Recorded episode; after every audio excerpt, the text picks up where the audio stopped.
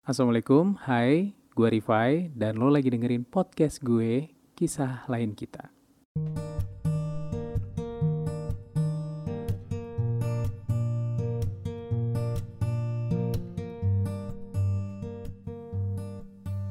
Wah, apa nih rame-rame di grup nih? Coba gue lihat dulu nih. Oke. Wah, wah kacau nih orang. Bisa-bisanya dia pakai ide gue jual nama dia dan itu seakan-akan idenya. Wah, cari muka banget sih lo. Eh, sorry guys, gue agak emosi nih.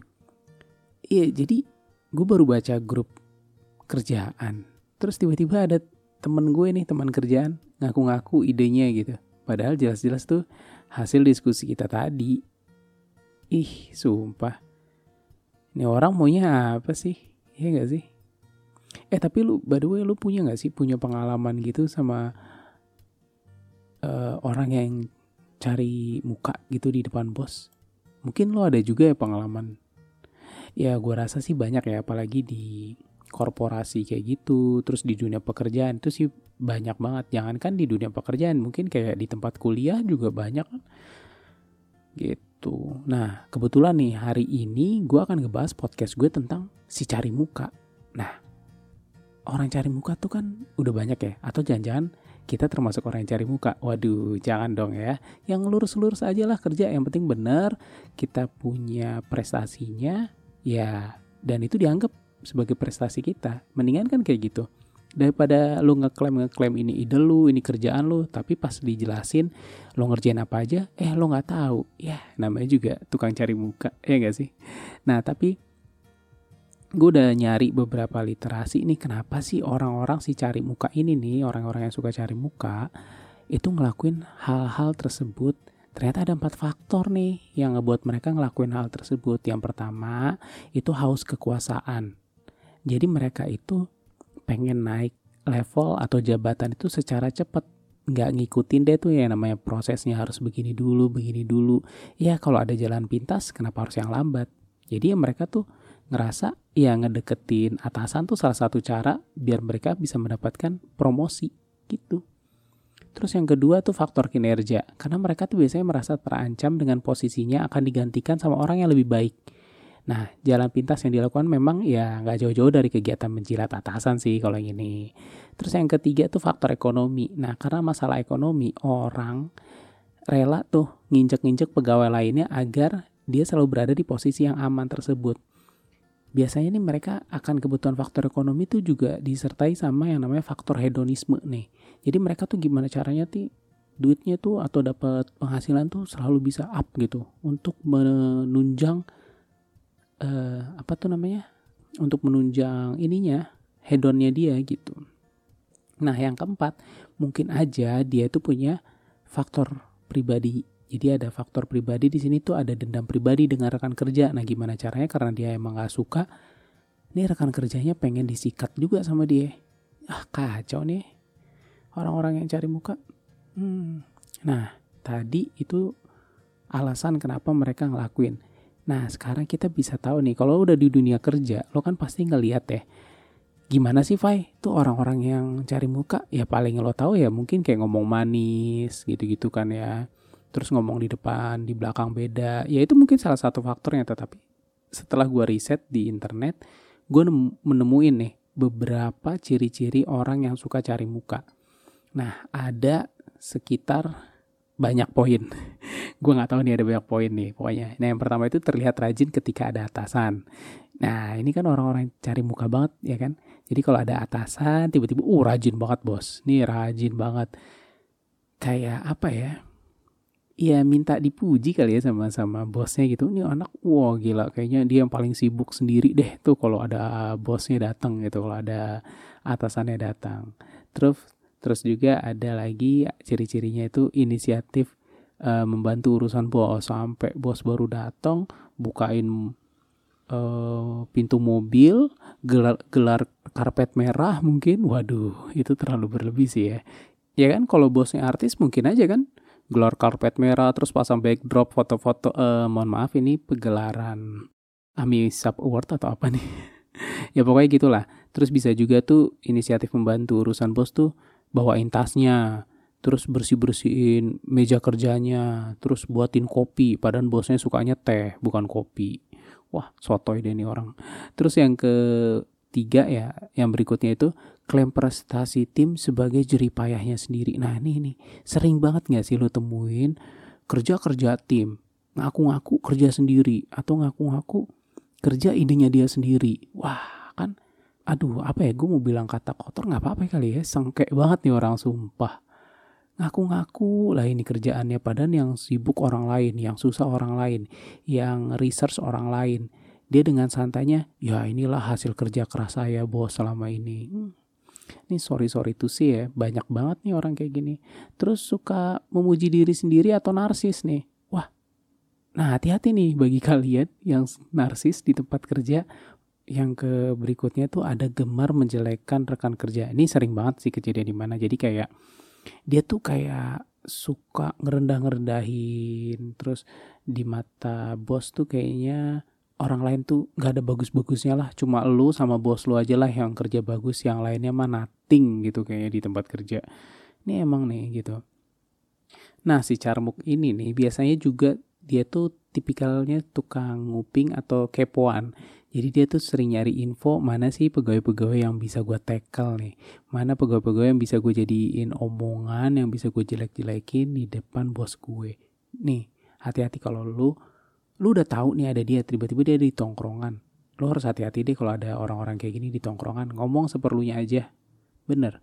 Terus uh, orang-orang kayak gini tuh ciri-cirinya lagi tuh bergaulnya biasanya sama senior. Wah, biar itu dia dianggap famous kali ya dekat sama senior karena biasanya senior ini mungkin posisinya udah lebih tinggi dari yang junior tadi nah dia mungkin deket sama bos jadi berharap si Charmok ini tuh dia bergaul sama senior dia bisa dapat suatu attention suatu perhatian deh ataupun untuk jalur dia untuk mendapat promosi jadi ya ini salah satunya dia suka banget nongkrong sama senior Nah, terus yang selanjutnya biasanya ciri-ciri orang yang carmuk tuh bermuka dua guys.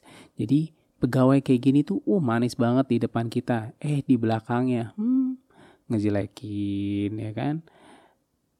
Nah itu tuh tadi ciri-ciri yang udah gue bacain uh, ciri-ciri orang carmuk. Nah lo hati-hati deh mulai dari sekarang kalau lo udah ngeliat gelagat-gelagat yang tadi gue sebutin tuh mungkin dia salah satu rekan kerja lo yang cari muka Oke, pasti lu banyak banget kan ngalamin ya ketemu orang-orang kayak gini.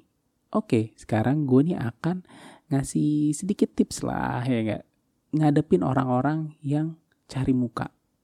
Gue langsung masuk di poin yang pertama yaitu usahakan lu bekerja lebih produktif dan maksimal darinya. Karena yang membedakan satu lagi, kalau orang yang cari muka biasanya dia sekedar omongan ataupun hanya sekedar ya pembicaraan kosong lah tapi lu membuktikan dengan kerjaan lu. Kalau ide lu ada yang dicuri ya kan?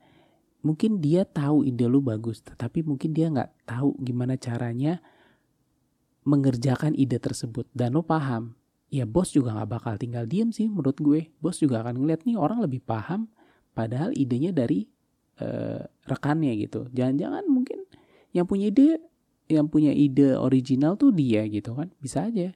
Nah, terus poin yang kedua, jangan emosi dan tingkah dengan tingkah dan laku kelakuannya.